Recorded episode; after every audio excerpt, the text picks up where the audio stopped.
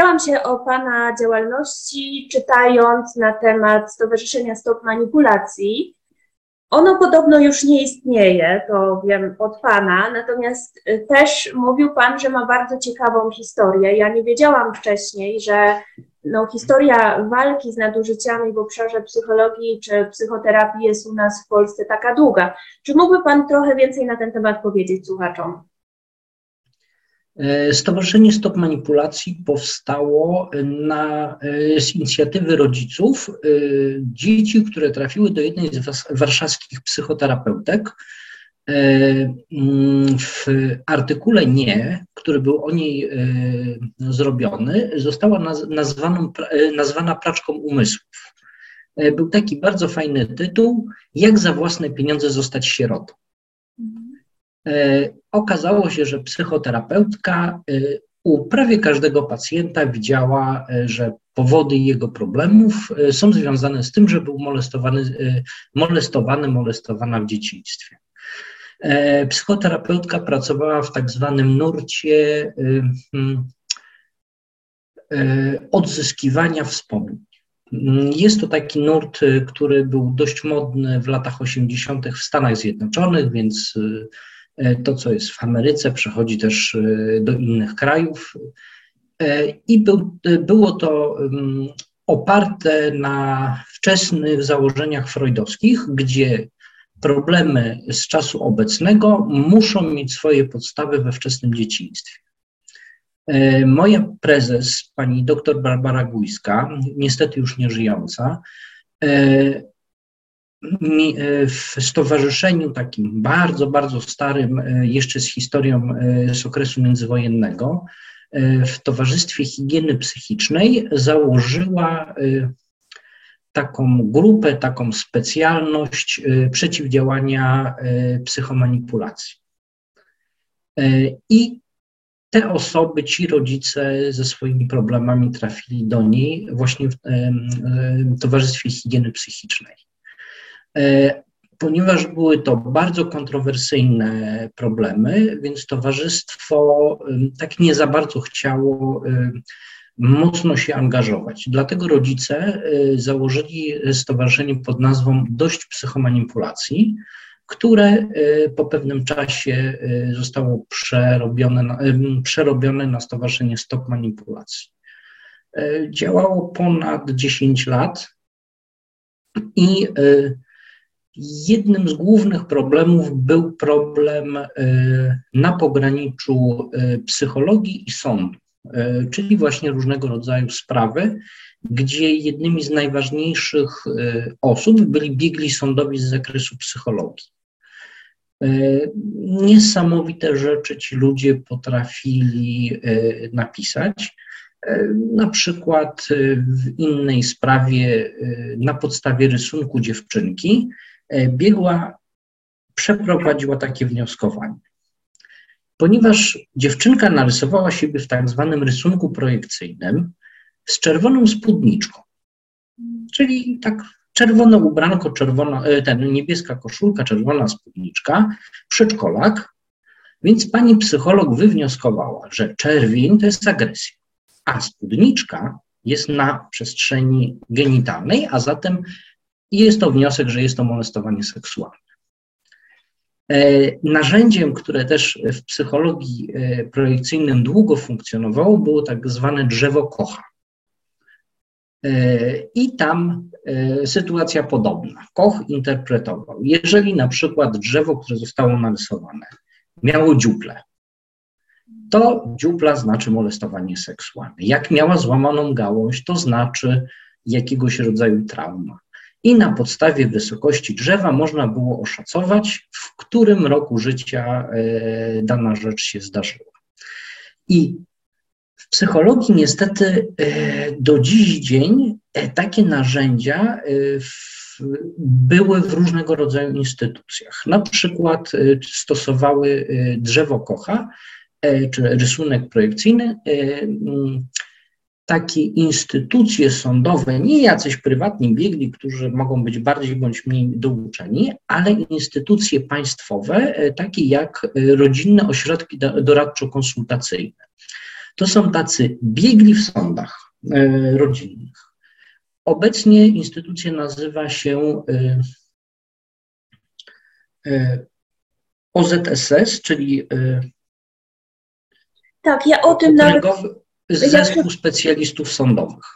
Tak, tak. Ja e... nawet o tym wspominałam w jednym z filmów, tak, że tak, że, że taka instytucja istnieje. Proszę, proszę kontynuować. Tak, i, i okazuje się, że tego typu narzędzia w żaden sposób nie są weryfikowane, nie były weryfikowane przez środowisko psychologów, teoretyków. I mamy w Polsce, y, może teraz już troszeczkę mniej, bo na przykład tak, taką osobą, która bardzo mocno działała na rzecz y, pewnego unaukowienia psychologii jest dr Tomasz Witkowski. E, jest sporo środowisko e, bardziej bądź mniej anonimowych psychologów, którzy podnosili temat wielokrotnie na konferencjach. A z drugiej strony mamy na przykład taki ośrodek, który jest uważany za najważniejszy ośrodek e, dotyczący orzecznictwa sądowego, jeżeli chodzi o psychologię, czyli Krakowski Instytut E, Zena, gdzie mamy w Instytucie Zena też specjalistów zajmujących się sprawami psychologicznymi. Czyli to jest Instytut Ekspertyz Sądowych Zena w Krakowie. Mhm. I na przykład właśnie Instytut Zena zorganizował kilka lat temu y, konferencję na temat y, stosowalności narzędzi y, projekcyjnych w sądownictwie. Z tego wyszło, z tego, z tego powstała książka, która była dystrybuowana i taka ciekawostka. Na samym końcu tej książki jest przedstawiona dyskusja, panel, w Wśród panelistów był jeden z sędziów Sądu Najwyższego, który podsumował w ten sposób, że on e, współczuje wszystkim osobom, które e, trafiłyby do Instytutu Ekspertyz Sądowych w celu uzyskania ekspertyzy. I to, to, ta jego jedna wypowiedź była chyba najmocniejszym podsumowaniem E, działalności tej instytucji, jeżeli chodzi o e, narzędzia projekcyjne. Bo jeżeli chodzi o rzeczy związane z techniką, technologią, e, jest to naprawdę światowej klasy instytut. Niestety, jeżeli chodzi o psychologię, to jest to ta, taka instytucja, która utrzymuje cały czas E, bardzo wiele rzeczy, które dawno powinny być z, z instytucji sądowych, z orzekania sądowego dawno wyeliminowanych. Jak to wygląda w tym momencie, jeśli chodzi o testy projekcyjne? Bo wydaje mi się, że no właśnie ta, ten nacisk, ta presja spowodowała już wysoką podwyższenie tej świadomości, że to no, ma znacznie więcej wspólnego z wróżeniem niż no, jakąkolwiek diagnozą o podstawach naukowych. E, tak i nie. Z jednej strony e, środowisko psychologów sądowych jest bardziej świadome, ale środowisko sędziów ufa. Dla środowiska sędziów nie jest ważne, e, czy dana metoda, w przypadku psychologii, czy dana metoda jest metodą zweryfikowaną naukowo, potwierdzoną. Ważne jest to, że osoba, która się pod tą opinią podpisze, ma wieloletnie doświadczenie jest autorytetem. Czyli im lepszy tytuł, tym bardziej wiarygodna, im więcej lat współpracy, tym e, bardziej wiarygodna. Oczywiście nie całe środowisko, ale e, duża część e, sędziów tak reaguje. Mm. No tak, no w sumie to jest zrozumiałe, bo sędzia no, wychodzi z, z do, dobrego założenia, że nie może znać się na wszystkim, zna się na prawie, po to ma biegły, że no, no nie, nie ma kompetencji do weryfikowania tego, e, więc powinny być jakieś inne regulacje. Nie wiem, e, są strony psychologów już, prawda? Tak? Jest regulacja, która mówi o tym, że sędzia jest najwyższym biegu. Aha, Czyli dobrze. to sędzia rozstrzyga, czy dana opinia jest, czy nie jest wiarygodna. I w przypadku sądów polskich jest to nieuregulowane. Mm, taką złotą regułą, też wynikającą notabene ze spraw związanych z biegłymi jest, mm, to się nazywa sta, standard Dauberta. Mm, to była sprawa, jeżeli dobrze pamiętam, dotycząca sprawy sądowej związanej chyba z lekami. I tam jest kilka reguł mówiących o tym, że y, mm, metoda, którą stosują biegli, powinna być sprawdzona, powinna być sprawdzalna, czyli krótko mówiąc, y, musi dać możliwość zweryfikowania naukowego swojej prawdziwości. Powinna być na temat y, tej literatury, tej metody literatura i kilka, kilka innych rzeczy, które są kluczowe. W przypadku sądów polskich e, mamy sytuację skrajnie odmienną. Mamy sytuację, w której strona postępowania nie ma dostępu do swoich materiałów, ani do materiałów dotyczących na przykład drugiej strony, wynikających z badania przez biegłego psychologa. E, w przypadku OZSS-ów doszło nawet do takiej dziwacznej sytuacji, gdzie minister sprawiedliwości wydał e, takie zarządzenie dla dyrektorów e, OZSS-ów, które zakazuje wydawania e, materiałów surowych. Dlaczego jest to dziwne? No. Ponieważ, ponieważ mamy po pierwsze ograniczenie konstytucyjne dotyczące tego, że tylko i wyłącznie ustawą można ograniczyć komuś jego prawa ustawowe, a mm, najwyższym prawem jest u nas konstytucja, mówiąca o tym, że postępowanie sądowe powinno być jawne, transparentne dla stron postępowania. E, to nawet nie jest rozporządzenie do ustawy, które ogranicza, tylko to jest jakieś zarządzenie ministra, które nie ma ugruntowania w ustawie i to powoduje, że ludzie, którzy starają się uzyskać swoje, swoje własne badania, czy badania swoich dzieci e, psychologiczne, nie mają możliwości uzyskać tego z OZSS-u. Ustawa o ochronie danych osobowych, e, transparentność postępowań, nic. Po prostu dostają tylko i wyłącznie opinię. Ale przepraszam, e, od jakie, kiedy to zarządzenie zostało, e, od kiedy to e, obowiązuje? To zarządzenie zostało wprowadzone chwilę po zmianie erodeków na OZSS, czyli to jest kilka lat temu. Tak, minister Ziobro, to, to, to cały czas się dzieje za ministra Ziobro, więc to jest takie do, dość standardowe. Część środowiska rodziców wskazywało, że erodeki E, działają niezgodnie z ustawą i dlatego została zmieniona ustawa, która e, te złe erodeki przerobiła na dobre OZSS.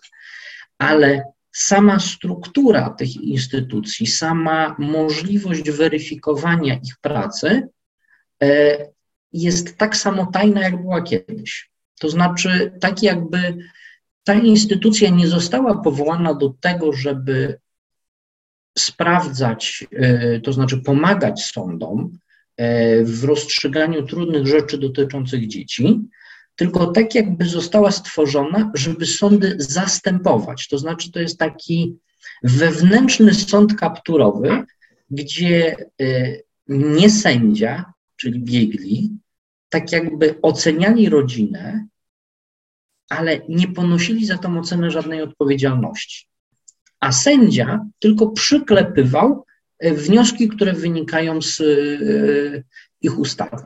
Dlatego zaczęliśmy e, rozmawiać od psychologii sądowej, żeby pokazać, że ta nietransparentność w psychologii, ona przekłada się na wszystkie inne dziedziny z psychologią związane.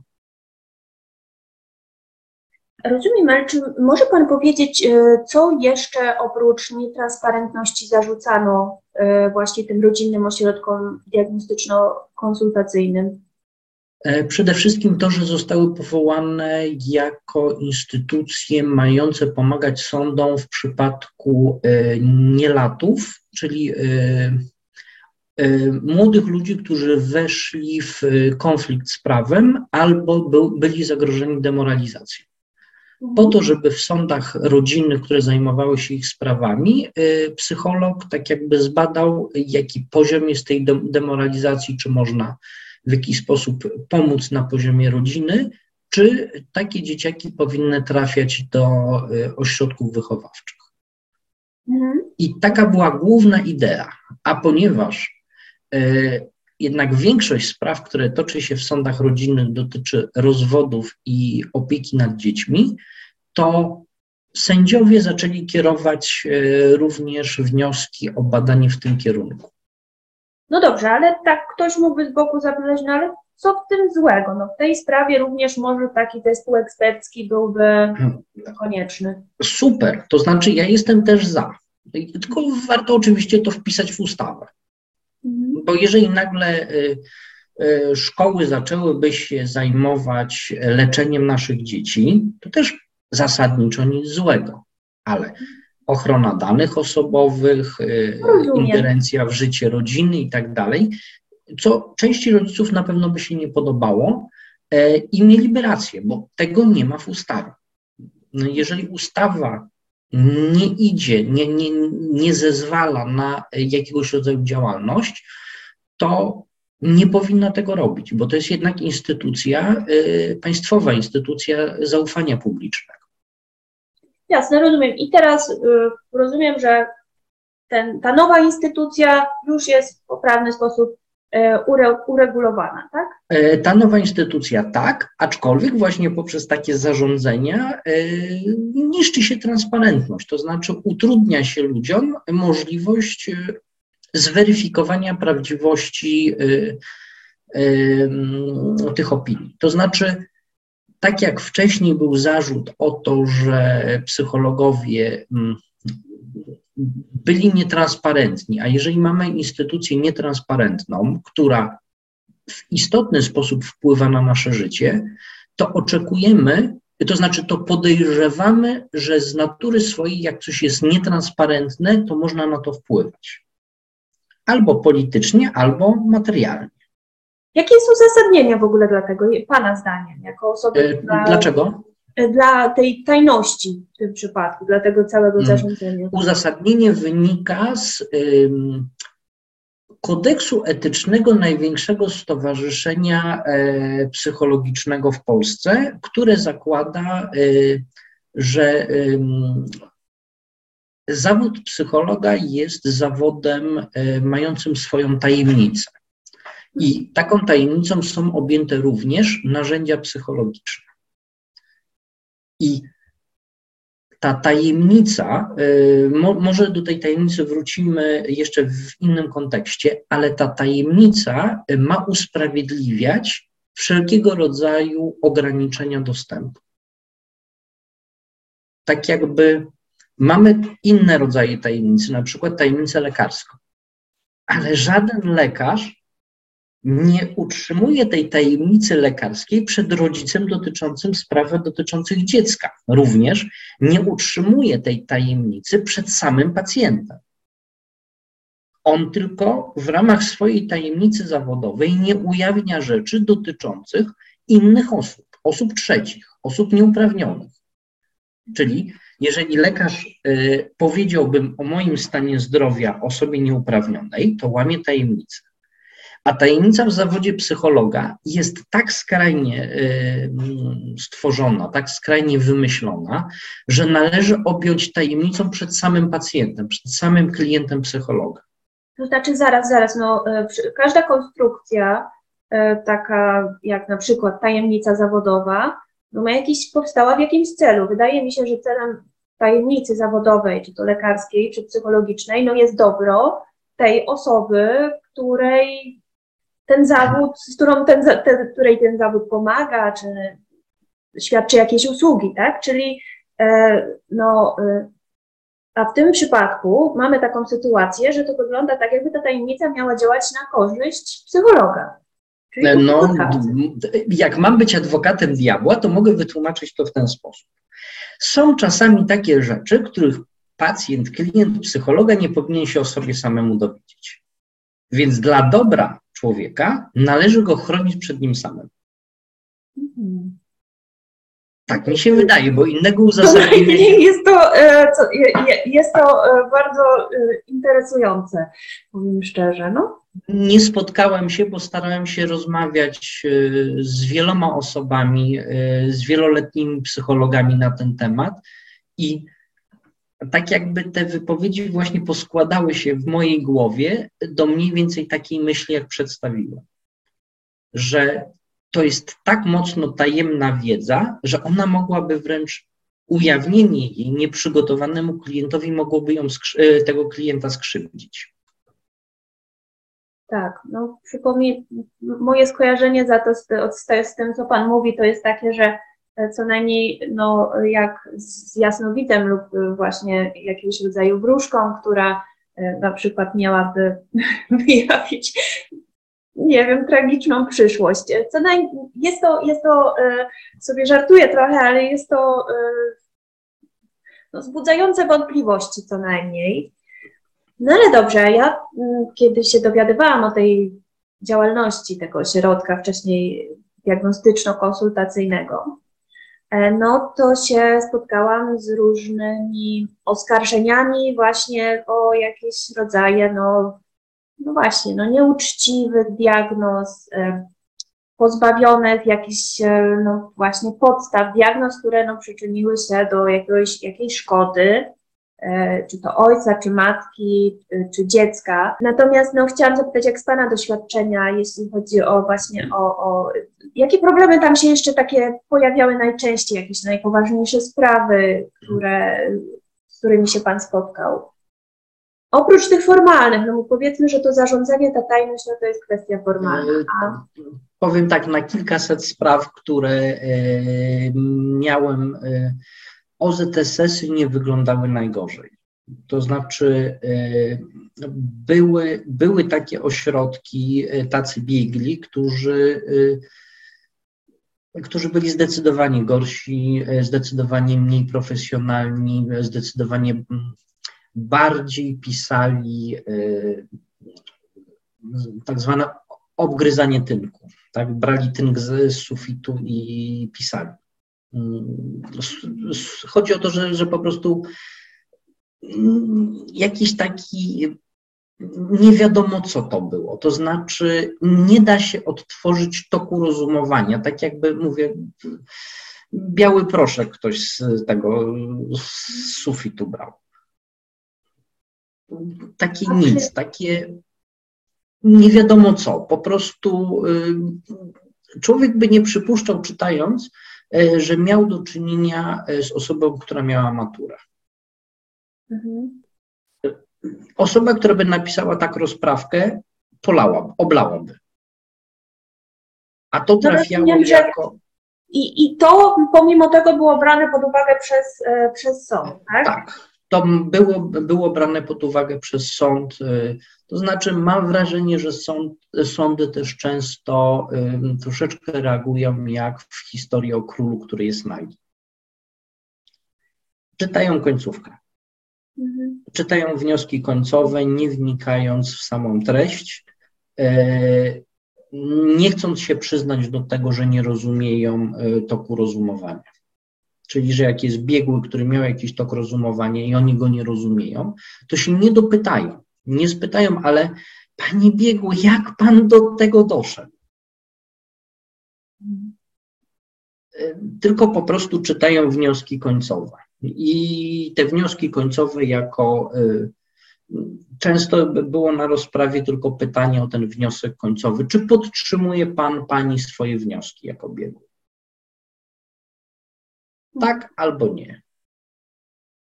Zdarza się, że sędzia w ogóle zwraca y, czy opinię i mówi, no właśnie, pani biegła, pan, panie biegły, to y, no jest, nie wiem, za mało, nie tak, y, proszę to poprawić, nie wiem, proszę jeszcze się zastanowić. Po to, żeby, po to, żeby nie być kryty, krytykiem, nie wiedząc nie wiedząc, y, jak to funkcjonuje, y, przez pewien czas współpracowałem z sądami, prokuratorami. Y, raczej bardzo rzadko się zdarza, Jeżeli się zdarzają pytania, to przede wszystkim zdarzają się pytania od adwokatów albo od prokuratorów, albo w sprawach cywilnych od adwokatów jednej i drugiej strony.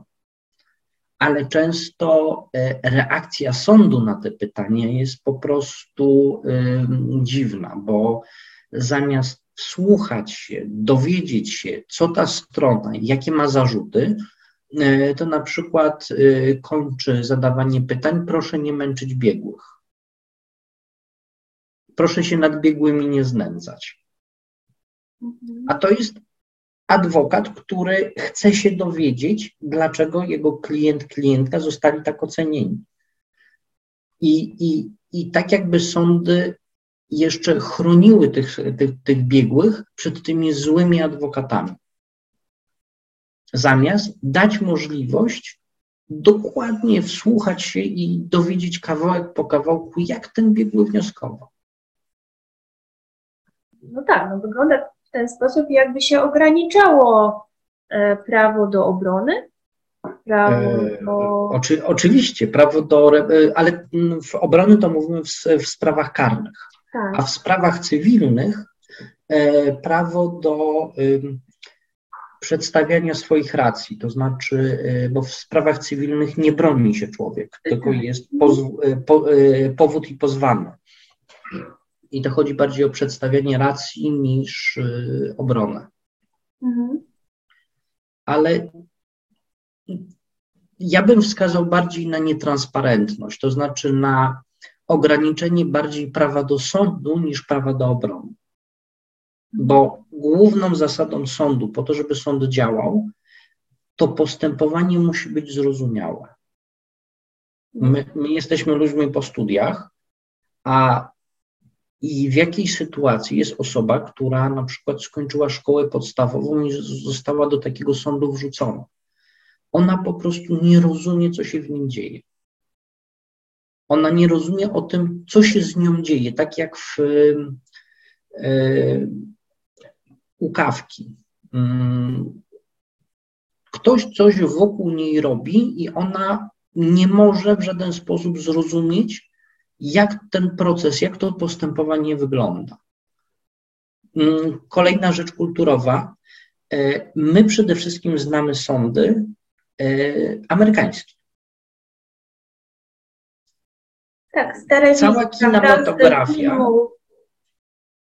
Cała kinematografia y, to są seriale o amerykańskich, angielskich czy anglosaskich, y, bo, bo czasami indyjskie są filmy, o anglosaskim systemie prawnym. Oczywiście teraz się zdarzają filmy, y, jeżeli chodzi o kwestie prawnicze, na przykład z Dalekiego Wschodu, które pokazują właśnie na przykład mm, z Indii trochę, y, Korea Południowa, które pokazują y, ten system prawny trochę inaczej.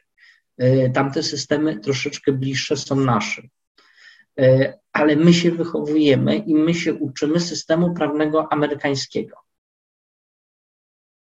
A trafiamy do sądu w Polsce, który funkcjonuje mm, chyba bliżej sądów rosyjskich w ogóle to, co się dzieje, y, to, co się dzieje obecnie, to z punktu widzenia psychologa, który zajmując się psychologią sądową, również zajmuje się psychologią y, mm, sąd jako teatr, gdzie mamy poszczególnych aktorów, poszczególne role i osoby, które w, w te role się wcielają. I obserwując to, co się dzieje w tej chwili, y, gdzie minister próbuje wybieranych sędziów Sądu Najwyższego usunąć, dlatego że oni krytykują wybór innych sędziów, którzy są wybrani poza ustawą, to powoduje tak niesamowite zachwianie wiarygodności tej instytucji, że ja się zastanawiam, to były problemy, które były kiedyś. Ja się zastanawiam, jak, y, ile lat będziemy pracować nad tym, żeby znowu wrócić do poczucia, że sąd jest w stanie w wiarygodny sposób rozstrzygnąć, że to oni opierają się na prawie, a nie na kruczkach prawnych.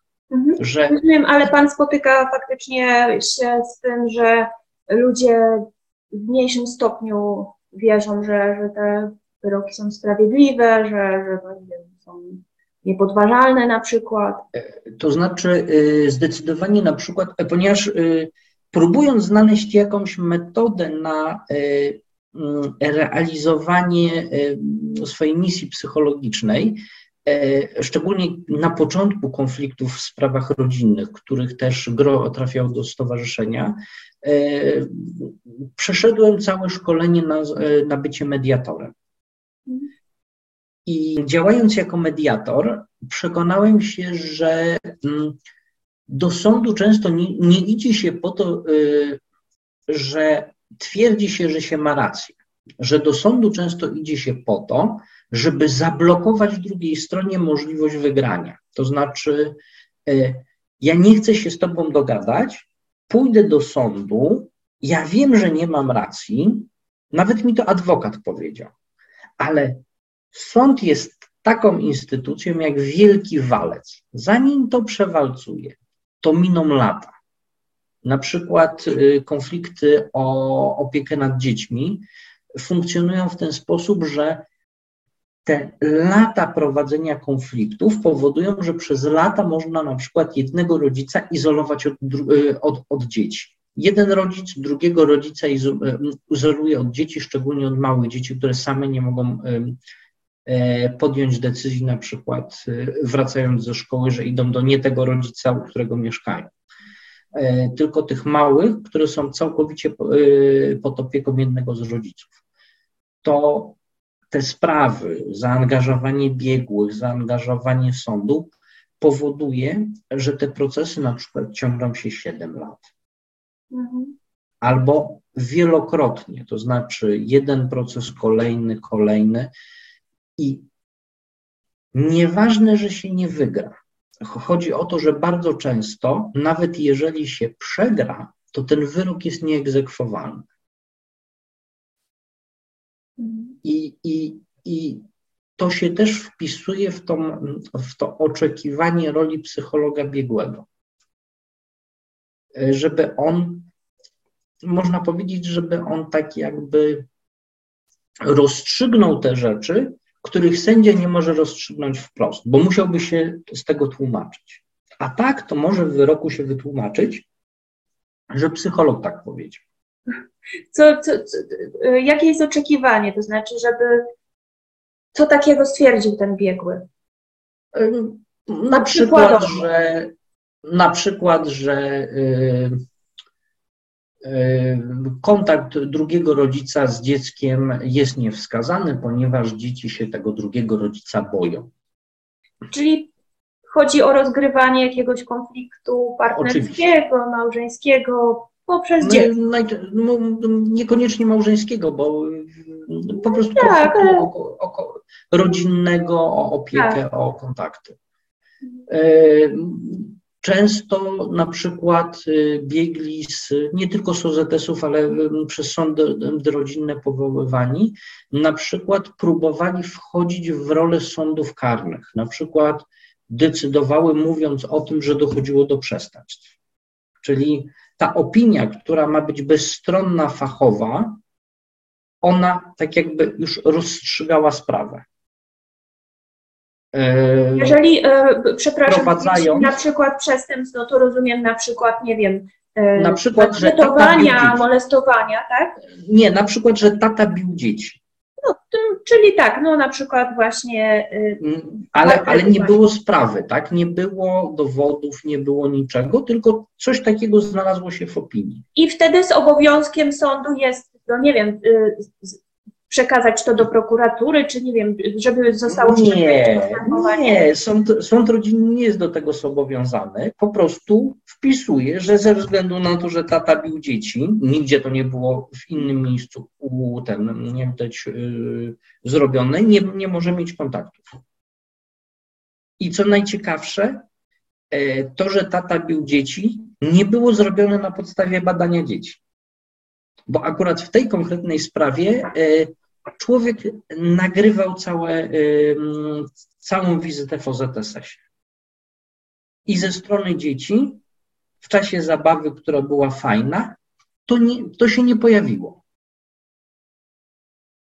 dzieci pozytywnie reagowały na ojca i tak dalej. I, I w ogóle nie było żadnego lęku. Ale pani biegłe, prawdopodobnie z części, w której mama opowiadała, wzięły opowieść mamy i potraktowały jako prawdę. Nie rozumiejąc w ogóle, na czym polega istota dowodzenia winy. W sumie nie muszą, są tylko psychologami. Mhm. Ale nie skoncentrowały się na odpowiedzeniu na pytanie, jakie są konkretne kompetencje rodziców. Czy, czy, czy, czy mają kompetencje rodzicielskie, czy mają podobne kompetencje rodzicielskie, a jeżeli nie mają w jakimś zakresie kompetencji rodzicielskich, to na czym ten deficyt polega? E, sądy są, e, e, ten kontakt pomiędzy sądem a psychologiem jest trudny. I myślę, że, że, że, że to jest rzecz, którą najlepiej by było na podstawie konkretnej sprawy rozpatrywać. To znaczy, skoncentrować się na danym przykładzie, na danym case'ie i kawałek po kawałku omówić, ponieważ y, ja czuję, że ja za bardzo pływam. To znaczy, chcę opowiedzieć o kilkuset sprawach, próbując je tak zmiksować do, do, do, do czegoś bardzo ogólnego. No oczywiście, jeśli ma Pan jakiś taki przykład, bo rozumiem, że nie może Pan mówić o konkretnym sprawie, bo Pan ją wymyślić, właśnie tak? E, przykłady nie są wskazane, ponieważ za tymi przykładami szłyby konkretne osoby. Mhm. No nie, no mówię tutaj po, o jakimś połączeniu tak kreatywnym, y, bo przecież no my też sobie zdajemy sprawę, że jest jakiś tam ograniczony zakres y, doświadczeń życiowych, prawda? Więc y, na pewno są jakieś takie doświadczenia sztampowe, przykładowe, e, na których można to pokazać. To, to mówię tak jak ten, ten słynny z czerwoną spódniczką przykład. Y, on, on się już pojawił, to znaczy nie tylko był u nas, ale on był też omawiany w jakichś artykułach prasowych, dlatego pozwalam sobie go y, cytować. No dobrze, ale czy to można tak konkludować, że psycholodzy często nie starają się przeprowadzić tej diagnozy w oparciu o jakieś takie no, rzetelne, porządne narzędzia, nie starają się, żeby to było jakkolwiek zobiektywizowane, żeby to miało jakąś strukturę, tylko po prostu wyrażają swoje poglądy. Myślę, że nie można aż tak e, dużych stawiać wymagań przed psychologami. To znaczy, to znaczy, że ale za dużych to znaczy, żeby wyrazili poglądy, czy żeby, żeby stosowali wiedzę z diagnozy psychologicznej? To znaczy, y, nie ma czegoś takiego jak y, wiedza z diagnozy psychologicznej. No nie, no jest przedmiot diagnoza psychologiczna, potem można się dokształcać w temacie, y, prawda, tutaj narzędzi właśnie diagnostycznych i, i psychologii klinicznej, na przykład, albo właśnie i sądowej. No jest, są takie przedmioty, prawda? Takie, takie... Okej, okay, ale nie ma standardów. Chodzi o to, że nie ma czegoś takiego, no nie wiem, właśnie rozporządzenia, które. E, które Myślę bardziej o standardach niż o rozporządzeniach, czyli na przykład. Zawodowych, e, tak? Sta standardach zawodowych. Myślę na przykład o standardach podobnych do y, bardzo podobnego zawodu, szczególnie jak mówimy o psychologii klinicznej, y, tak jak y, w przypadku medycyny. Mamy bardzo określone procedury i standardy, y, jeżeli chodzi o poszczególne działy zachowań. Jeżeli ktoś ma zostać na przykład stomatologiem, to on ma określone procedury radzenia sobie z określonymi problemami. Tak, I stowarzyszenie, ten, to znaczy Izba Lekarska, czy, czy Międzynarodowe Stowarzyszenia Lekarskie, one wypracowują pewne standardy zachowań. I z tego punktu widzenia jest bardzo ciekawie, ponieważ na przykład jak prokurator sprawdza, czy doszło do błędu medycznego, zaniedbania, to on bierze standard i sprawdza, czy lekarz zachował się zgodnie z tym standardem. Jeżeli zachował się zgodnie z tym standardem, a pacjent zmarł, e, nie jest to jego wina. On zachował się zgodnie z zasadami. Tak samo jak kierowca. Jeżeli kierowca zachował się prawidłowo, a ktoś mu wbiegł na ulicę mhm. i uległ śmiertelnemu wypadkowi, to kierowca nie odpowiada. No tak, to jest zrozumiałe. No dobrze, to powiedzmy więcej I na ten temat, jak to wygląda ma, w psychologii. I, Czemu nie ma? Ale czy nie ma tylko w Polsce, czy nie ma na świecie, czy nie wiem. Amerykański e, Wydaje mi się, wydaje mi się, że wydaje mi się, że ze względu na to, że psychologia jest bardzo młodą dziedziną nauki, bardzo, bardzo młodą, ma niespełna 150 lat. Y, pan Witkowski y, chyba kwestionuje jednak ten pogląd. Y, podobno są dużo młodsze dziedziny, które jednak jakoś tam sobie radzą. Ale one się oderwały prawdopodobnie od jakichś bardziej, e, bardziej już sformalizowanych dziedzin. A psychologia oderwała się od filozofii. Ja nie wiem, czy się oderwała od filozofii, prawdę mówiąc. Czy się e, oderwała? Są osoby, które twierdzą, że od literaturoznawstwa. Mm, tak. Tak, bo Freud miał y, zostać kandydatem do Nagrody Nobla z dziedziny literatury. No i jak y, wiemy, później już ujawniono, że faktycznie jego badania no, miały co najmniej luźny charakter, jak również w jego pismach znaleziono sporo y, historii, które niekoniecznie miały miejsce. Ale to nie zmniejszyło jego popularności, ani e, nie wpłynęło na jego sławę i sukces pośmiertny. Tak e, ładnie pani to e, ujęła, mówiąc o luźnym kontakcie. E, powiedzmy wprost, fantazjował. Tak. Fantazjował, tworzył e, pacjentów, którzy nie istnieli, opisywał wyleczenia pacjentów, którzy, zosta- e, którzy byli chorzy do końca życia. E, I, I można, po, patrząc na Freuda, można powiedzieć, że to jest grzech pierworodny tak. psychologii. Mhm. Że nie, nie zostały wytworzone żadne struktury, żadne mm, narzędzia, które miałyby takie osoby które fałszują badania, które y, są y, fantastykami, eliminować z rynku. Jedno z najważniejszych eksperymentów psychologicznych, czyli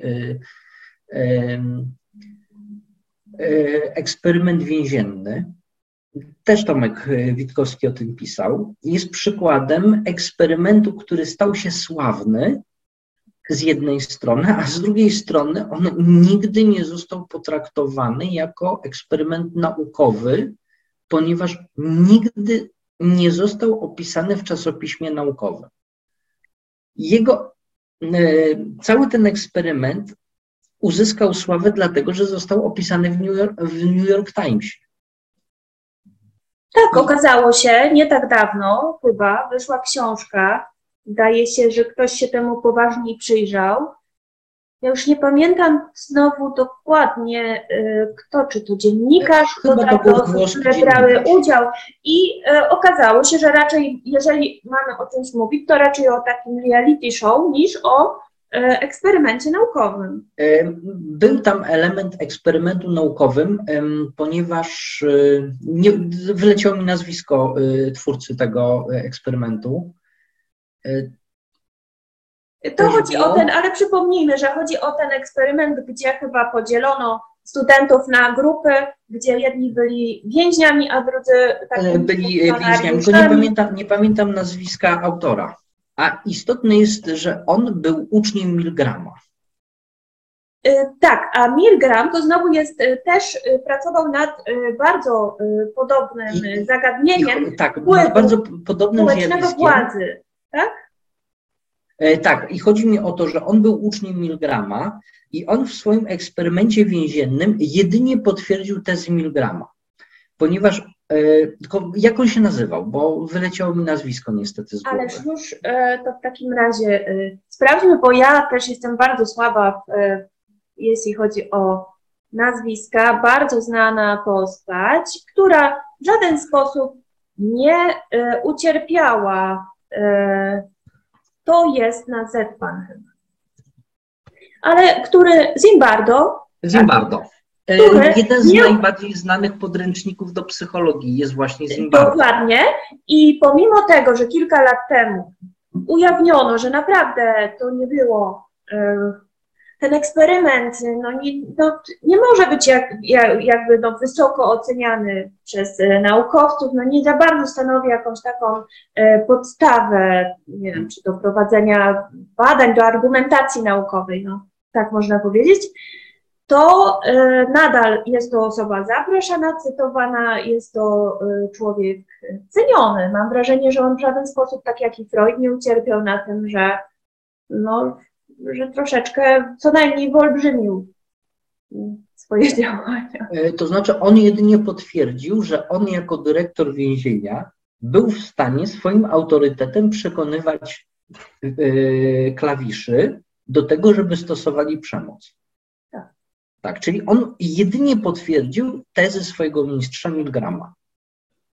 Ale swoją własną tezę, że to sytuacja tworzy złych ludzi, a nie inni źli ludzie wpływają na, na, na to, że my się stajemy, e, poddajemy i e, to zło przekazujemy dalej, e,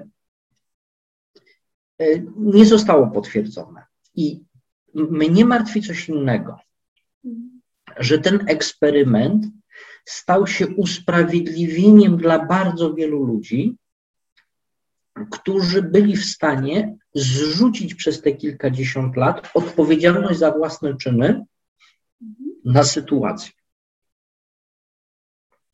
A nie. Mamy jakieś konkretne przykłady? Y, na przykład y, amerykańskie wojsko i E, więzienia e, CIA e, na Kubie, czy, czy, czy, czy, czy przesłuchiwanie więźniów z wojny w Iraku.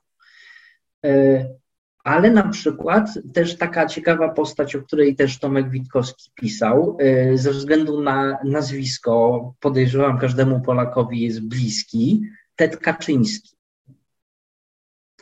Osoba uznawana za symbol terroryzmu e, do 11 września. Najdroższe e, śledztwo w historii Stanów Zjednoczonych w poszukiwaniu jednego konkretnego człowieka, jednego konkretnego terrorysty. I tak jak e, jest wskazywane, Ted Kaczyński był wybitnym, e, wybitnie zapowiadającym się młodym matematykiem, który został poddany prawdopodobnie e, przez e, też jednego z znanych psychologów eksperymentowi po, polegającemu na tym, że był odrzucany przez swoją grupę, że wpłynął na grupę, w której on funkcjonował, że przez dłuższy okres czasu on był y, odrzucany. Użyję słowa flekowany, bo tak, tak troszeczkę od y, młodzieżowej gwary z, z, z moich czasów. E, I to odrzucenie spowodowało u niego y, nasilenie się jego objawów psychotycznych. I on stał się paranoikiem stracił możliwość y, y, pracy naukowej, y, wyizolował się gdzieś w domku w górach i przez, całą, przez cały czas to zło, które zostało zrobione w tym eksperymencie, u niego budowało nieprawidłową osobowość, której konsekwencją było wysyłanie bomb w listach do różnych instytucji, do których miał żal. I, i taki czarny scenariusz e, psychologa, e, który jak widać na nieświadomce e, wpływa na człowieka, który miał wszelkie szanse na to, żeby zrobić karierę co najmniej na poziomie i być specjalistą w swojej dziedzinie. to, że został potraktowany na nieświadomce przez dłuższy czas, spowodowało, że stał się terrorystą, stał się człowiekiem złym, człowiekiem, który niszczył społeczeństwo. I to jest tak, taki drugi grzech pierworodny psychologii, że ona mm, ma tendencję do bawienia się ludźmi. I, i takim e, lekkim podejściem, tak jakby wszystko dało się naprawić. Popełnimy błąd, to się później wyrówna. Mm, a tak nie ale jest. to, przepraszam bardzo, ale to od razu, y, jeżeli tak, to z tego założenia wynika, że to, że ta dziedzina nie może być traktowana sama w sobie poważnie, gdyż skoro nie może zaszkodzić, to prawdopodobnie nie może też pomóc. E, ja bym powiedział, że powinna być traktowana poważnie, tak jak traktowane poważnie są inne dziedziny, które mogą szkodzić. No, ale jeżeli oni sami twierdzą, yy, psycholodzy, nie wiem, jakoś tak jako masa, grupa, że nie są w stanie zaszkodzić poważnie, ponieważ yy, no, no, no właściwie to nie jest poważne, bo zawsze to się jakoś tam po prostu może zmienić, właśnie wyrównać, e, no to znaczy, że prawdopodobnie w ogóle ich możliwość oddziału, oddziaływania jest skromna. Co najmniej. E, ich własnej znaczy, opinii. To, to jest wręcz przeciwnie. E, to jest przyjęcie założenia, że nasza możliwość oddziaływania jest olbrzymia. Aha, w ten sposób, Bo czyli raczej takiej Nawet jeżeli popełnimy błąd, to możemy go naprawić.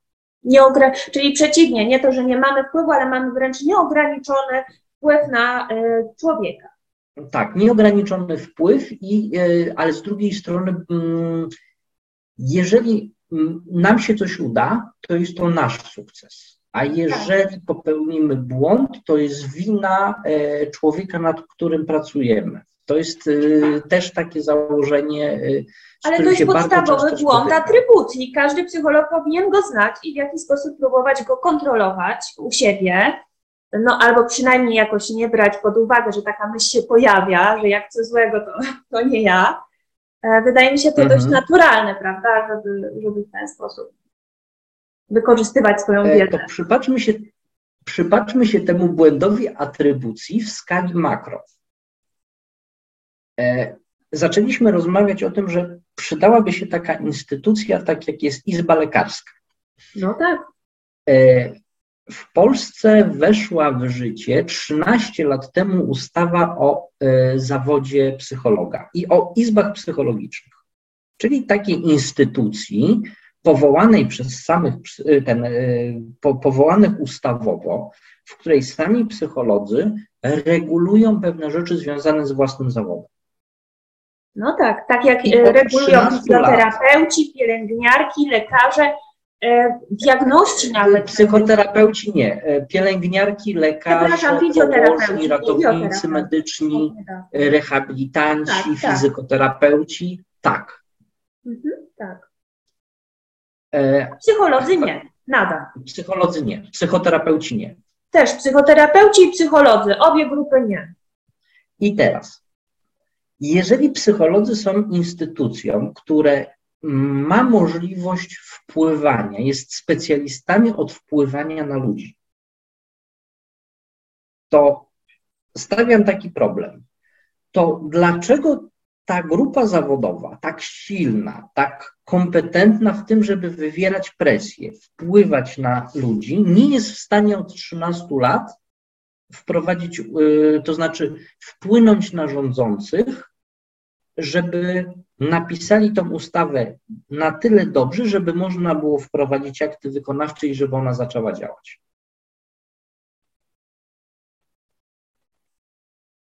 Albo im nie zależy, bo mają tak też na przykład wysoką pozycję autorytet. No tak, nie zależy i nie muszą tego robić. Nie, nie, nie są zmuszeni oni sami przez y, klientów, y, rodzaju pacjentów, którym świadczą usługi, do tego, żeby w jakiś sposób standaryzować swój zawód. Tak, tak mi się wydaje. E, panuje pewne tabu wokół, e, wokół. Cieszę się, że nie ja musiałem to powiedzieć. też mi się tak wydaje, że mm, właśnie skuteczność psychologów nie polega na tym, że im się udało wprowadzić ustawę, tylko skuteczność polega na tym, że są w stanie, pomimo tego, że ustawa została już w, jak widać, e, przeszła przez tryb e, ustawowy i no, tak. tak jakby weszła w życie, to poprzez swój wpływ są w stanie doprowadzić do tego, że ona nigdy nie wejdzie.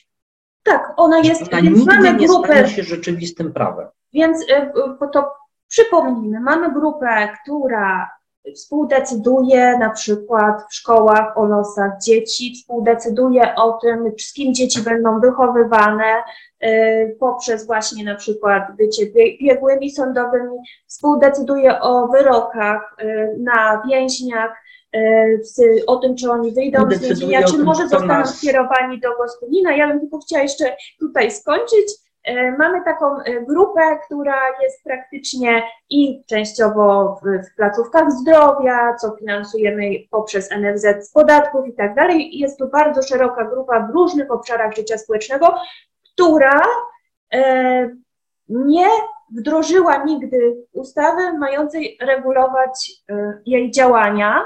Po prostu pomimo tego, że Sejm taką ustawę uchwalił, oni do, po prostu nie wykonali tego, y, jak rozumiem, tych przepisów. Nie, nie oni. Nie oni. Y, minister nie, nie wykonał. Nie Minister. zostały wprowadzone akty wykonawcze. Tak. Ponieważ ustawa była niekonstytucyjna. Ale czy to y, Trybunał stwierdził, że ona jest niekonstytucyjna? E, tak, ponieważ e, nie została określona, e, czym zajmuje się psycholog ponieważ e, ustawa o zawodzie psychologa zakładała penalizację wykonywania zawodu psychologa przez niepsychologów. Nie Czyli na przykład, tak jak jeżeli nie jestem lekarzem, no tak. nie no. mogę zrobić operacji na otwartym sercu. Mhm. E, w przypadku lekarzy czy, czy zawodów medycznych mówi się o, o E, przekroczeniu granicy y, skóry. Mm, tak symbolicznie, że, że nie można wykonywać żadnych e, zabiegów, które by przekroczyły granicę skóry, ani podać żadnych substancji, które nie są substancjami spożywczymi. Mm, I to, to są tak jakby dwie rzeczy, które są tylko i wyłącznie dla zawodów medycznych. Czyli krótko mówiąc, operacje, zabiegi, leki. I pytanie e, Trybunału było, no dobrze, ale to określmy, żeby powiedzieć wprost, co penalizujemy, czego nie wolno robić innym osobom, które nie są psychologami. Bo żeby coś spenalizować, żeby powiedzieć, że jest zakazane, to to musi być literalnie dokładnie określone. No i nie, nie było wiadomo, jak rozumiem, tak? To znaczy, zasadniczo do tej pory nie jest wiadomo, a czym tak zasadniczo psycholog się zajmuje. Co on może robić innego niż każdy przeciętny człowiek? No. Ja powiem, że jeszcze tylko taka ciekawostka, bo kilka dni temu, e, ponieważ tam chciałam się gdzieś zgłosić do, do pracy, sprawdzałam, co mam zapisane w suplemencie i w moim suplemencie tam e, było napisane, że ja mogę właśnie pracować jako psycholog w myśl tej ustawy. E, nie, nie, nie w myśl tej ustawy. Ale na, w suplemencie dyplomu jest, że może Pani pracować jako psycholog, nie w myśl ustawy. Ależ u mnie ta ustawa się znalazła. Tak? Tak. To niedobrze, ponieważ ta ustawa zakłada, ale ta ustawa zakłada, że pani może być psychologiem dopiero wtedy, kiedy zostanie pani wpisana na listę e, psychologów e, w e, danym, w danej izbie psychologicznej. To A znaczy psychologiem. nie funkcjonują. E, tak, ale chodzi o to, że ta ustawa zakłada, że psychologiem jest jedynie osoba, która została wpisana na listę psychologów, tak jak adwokatem. Adwokatem nie jest, y, y, adwokatem nie jest każdy prawnik. Adwokatem jest ten prawnik, który został wpisany na listę adwokacką albo jest aplikantem adwokackim. I tak, tak samo tak, jest w przypadku ustawy o zawodzie psychologa. Ja mam w suplemencie wpisane, że mogę, że jestem psychologiem, ale nie w myśl ustawy. No to u mnie znalazła się ta właśnie ustawa i chodzi tutaj o to, że żyjemy no, w jakiejś takiej mm, sytuacji, że tak, no nie do końca podsumowując wiadomo, co taki psycholog robi, no nie, mm, pomimo, że jest, znajduje się w różnych instytucjach, e, pełni różne funkcje zawodowe, no to. Decyduje o tym, że ktoś może posługiwać się bronią, decyduje tak. o tym, że ktoś może pracować w nocy, decyduje o tym, czy ktoś może zostać sędzią, tak. E, decyduje o tym, czy e, zabiorą nam dzieci, e, czy, czy będziemy mogli być nadal rodzicami, decyduje o mnóstwie rzeczy, które są dla nas kluczowe. E, psycholog szkolny jest... na przykład może założyć nam niebieską kartę jako rodzicom, bo usłyszy od dziecka, że y, zakazujemy mu korzystać z komputera. I uzna to za przemoc i wtedy założy niebieską kartę. No tak, Więc... I, I, natomiast my w żaden sposób nie możemy rozliczyć tego psychologa z tego, czy on y, działa zgodnie z.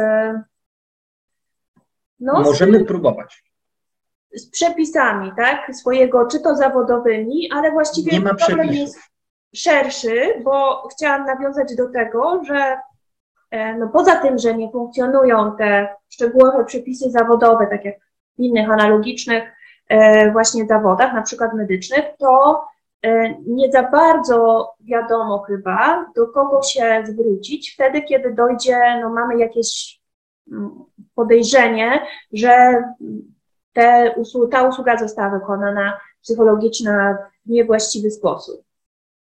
No bo pod kogo właściwie ten zawód podchodzi? Pod ministra zdrowia, pod. Y, nie wiem. To mam dobrą wiadomość. Tak. Jest takie rozgraniczenie, y, które mówi, kiedy możemy się zwrócić o pomoc mhm. do instytucji. Możemy na przykład zwrócić się do Rzecznika Praw Pacjenta w momencie, gdy psycholog jest zatrudniony w placówce medycznej. Mhm. Czyli jeżeli psycholog jest w szpitalu, w przychodni i, ten, yy, i ta przychodnia jest placówką medyczną, mhm. to wtedy podlega przepisom yy, zdrowotnym i wtedy Rzecznik Praw Pacjenta może w przypadku yy, takiej sprawy pomóc. Mhm. Jeżeli ktoś prowadzi prywatną działalność gospodarczą, na przykład jest psychoterapeutą prywatnym albo w jakimś stowarzyszeniu, to można próbować skontaktować się z jakąś kancelarią prawną i przedyskutować, czy, na, e, czy w procesie cywilnym można by było e, dojść swoich e, swoich racji, na przykład e, oczekując zadośćuczynienia czy e, odszkodowania za źle wykonaną usługę. Przy czym te usługi są bardzo znowu źle zdefiniowane, ponieważ są to usługi na działanie, a nie na wykonanie. Czyli usługa psychoterapeutyczna czy usługa psychologiczna to jest usługa na troszeczkę podobna do na przykład y, y, usługi opiekunki do dzieci. Y, gdzie nie chodzi o to, że ona ma coś zrobić, ona ma przez pewien czas wykonywać jakieś czynności. I w tym momencie jest to zdecydowanie trudniejsze do dowiedzenia, że zostało coś zrobione źle, ponieważ te czynności nie są w umowach pomiędzy nami, a y, nami jako ludźmi, a nami jako psychologami y, określone. Bo jak nie wiadomo, co ten psycholog może robić, to wracam do tej penalizacji, to również nie wiadomo, za co on odpowiada. No tak, ale w ogóle. Y ja sobie wyobrażam, że tu jest sporo problemów, bo nawet gdyby, no powiedzmy, takim standardem by było no, umówienie się na coś konkretnego, na przykład z klientem, czyli, że, no nie wiem, sporządzi opinię na podstawie, nie wiem, posłuży się jakimiś narzędziami i na tej podstawie diagnostycznymi sporządzi opinię, nie wiem, jakiejś gotowości szkolnej dziecka. Coś wymyślam sobie teraz, ale powiedzmy, e, Okej, okay. prawda? E, to jest, e, tutaj są standardy, bo te standardy są opisane w ustawach e, dotyczących edukacji. Opiniowanie, opiniowanie na potrzeby szkoły, e, to tutaj e, te standardy istnieją i one wynikają z innych przepisów. E, mhm. Gorzej jest z psychoterapią. No właśnie, no to jeśli chodzi o psychoterapię, no to cóż, jedyne co tak mi przychodzi do głowy, to że zwykle się ona zaczyna od jakiegoś czegoś takiego, co się w psychologii czasem kontraktem nazywa, na przykład przy okazji warsztatów, no jakieś takie właśnie umowy do tego, co do tego, ile będą trwały, od formalnych spraw do jakichś tam mhm. czasami e, no, bardziej szczegółowych. E, nie wiem, może się też zacząć od jakiejś diagnozy, prawda, też, też e, tutaj. No to, to by te, trzeba było te, określić. Hmm? Teorię znamy. Mhm. Tak, bo to jest teoria. Tego nas uczą na studiach że tak. powinien być zawarty kontrakt. No. Ale pomimo tego, że nas na studiach tego uczą, nigdy w życiu nie widziałem żadnego przykładowego kontraktu. Mm, z tego, co podejrzewam, y, z naszej wcześniejszej rozmowy, pani y, przechodziła przez kliniczną. Nie, ja miałam specjalizację akurat y, innego rodzaju, bardziej związaną z y, zawodową, natomiast y, stroną psychologii, doradcem. Mhm. Natomiast u mnie było tak, że, nie, że ja mogłam, to były specjalizacje trwała tylko dwa lata, natomiast ja w ogóle z czegoś innego, z klinicznej bardziej pisałam pracę, bo ze schizofrenii, bo pracowałam w stowarzyszeniu mhm. e, właśnie dla rodzin e, osób z taką diagnozą, e, jak również e, w ogóle praktyki zawodowe robiłam jako psycholog penitencjarny, w związku z tym raczej właśnie, ale nikt u nas y, bardzo skrupulatnie do kwestii specjalizacji nie podchodził, myślę. Co uważam... Ale też nie widziała Pani kontraktu przykładowego? E, czy ja widziałam na przykład, no cóż, szczerze mówiąc, nie. Nie. Chyba, że na warsztatach. Taki, Chyba, to że jest na taki warsztatach. święty gral. Wszyscy o nim mówią, że on istnieje, ale nigdy nie widziałem przykładu nie widziałem ani przykładu zrobionej dobrej diagnozy przed psychoterapią, ewaluacji psychoterapii, ani ewaluacji po psychoterapii. Ten proces, pomimo tego, że wszyscy wiedzą, że on powinien być, on jest y, jak święty gral, nikt go nie widział. Gdzieś kiedyś zaginął ale na, żeby w ogóle można było potem jakichś swoich takich no, racji dochodzić, czy żeby w ogóle no, było się jak odwołać, to część, przynajmniej te punkty powinny być w jakiś sposób archiwizowane, czyli każdy, gdziekolwiek się zgłosimy, na przykład do takiego psychoterapeuty, czy prywatnie, czy przez NFZ, gdziekolwiek, no to y, powinny za, z tego zostać jakieś materiały, które pozwalają właśnie skontrolować to, czy to było. Chcielibyśmy, żeby tak było. Nie ma przepisu nakazującego, nie ma przepisu opisującego, jak takie materiały mają wyglądać. No właśnie. U prywaciarza pani nie, e, nie zobaczy. W przypadku y, szpitali przychodni jest taki obowiązek prowadzenia dokumentacji medycznej, y, ale wydaje mi się, że ten standard prowadzenia również nie, nie jest dobrze opisane. To są bardzo często y, z iluś y, mm, spraw, które y, prowadziłem, oglądając, co psychoterapeuci pisali, to są bardziej luźne skojarzenia niż ustrukturalizowany materiał. Czyli, że co, zapisują sobie swoje notatki, żeby na przykład, no nie wiem, jakiś e, skonfrontować pacjenta, dajmy na to. Luźne, naprawdę luźne skojarzenia albo, e, albo e, takie fakty typu wiek, płeć, tego, masa ciała w momencie urodzenia, wczesnodziecięce choroby i to, to są te lepsze, tak? bo, bo, bo często to nawet tego nie ma jakieś... Psychoterapeuci zlecają badania jakiekolwiek, przychodzi człowiek i mówi, pierwsze moje pytanie w tym momencie to byłoby, okej, okay, masz na przykład jakieś tam objawy typu, nie wiem, bezsenność, nie wiem, jakiś tam niepokój, nie wiem, zawroty głowy, cokolwiek. Kojarzysz to z zaburzeniem nastroju, ale czy diagnozowałeś to u lekarza? Tak bym najpierw, czy w ogóle psychoterapeuci robią? A tutaj, tutaj dotykamy bardzo dużego problemu naszej służby zdrowia. Polegającej na tym, że często psychiatrzy tego nie zlecają. To prawda. Nie zlecają. Psychiatra, yy, psychiatra yy, E, na przykład bardzo często mm, były problemy na pograniczu mm, problemów hormonalnych, problemów z wydzielnictwem. Okazywało się, że jak widać osoby mm, z różnego rodzaju problemami psychicznymi się zwracały, które nie wiedziały o tym, że mają nadczynność bądź niedoczynność, tarczycy, nadnerczy, muszczku i tak dalej. I byli utrzymywani na lekach psychotropowych, a wystarczyło podać hormon, który jest tani, łatwo dostępny, regularnie brany, e, powoduje, e, nie powoduje, jak to powiedzieć, negatywnych skutków tak dużych jak w przypadku psychotropów.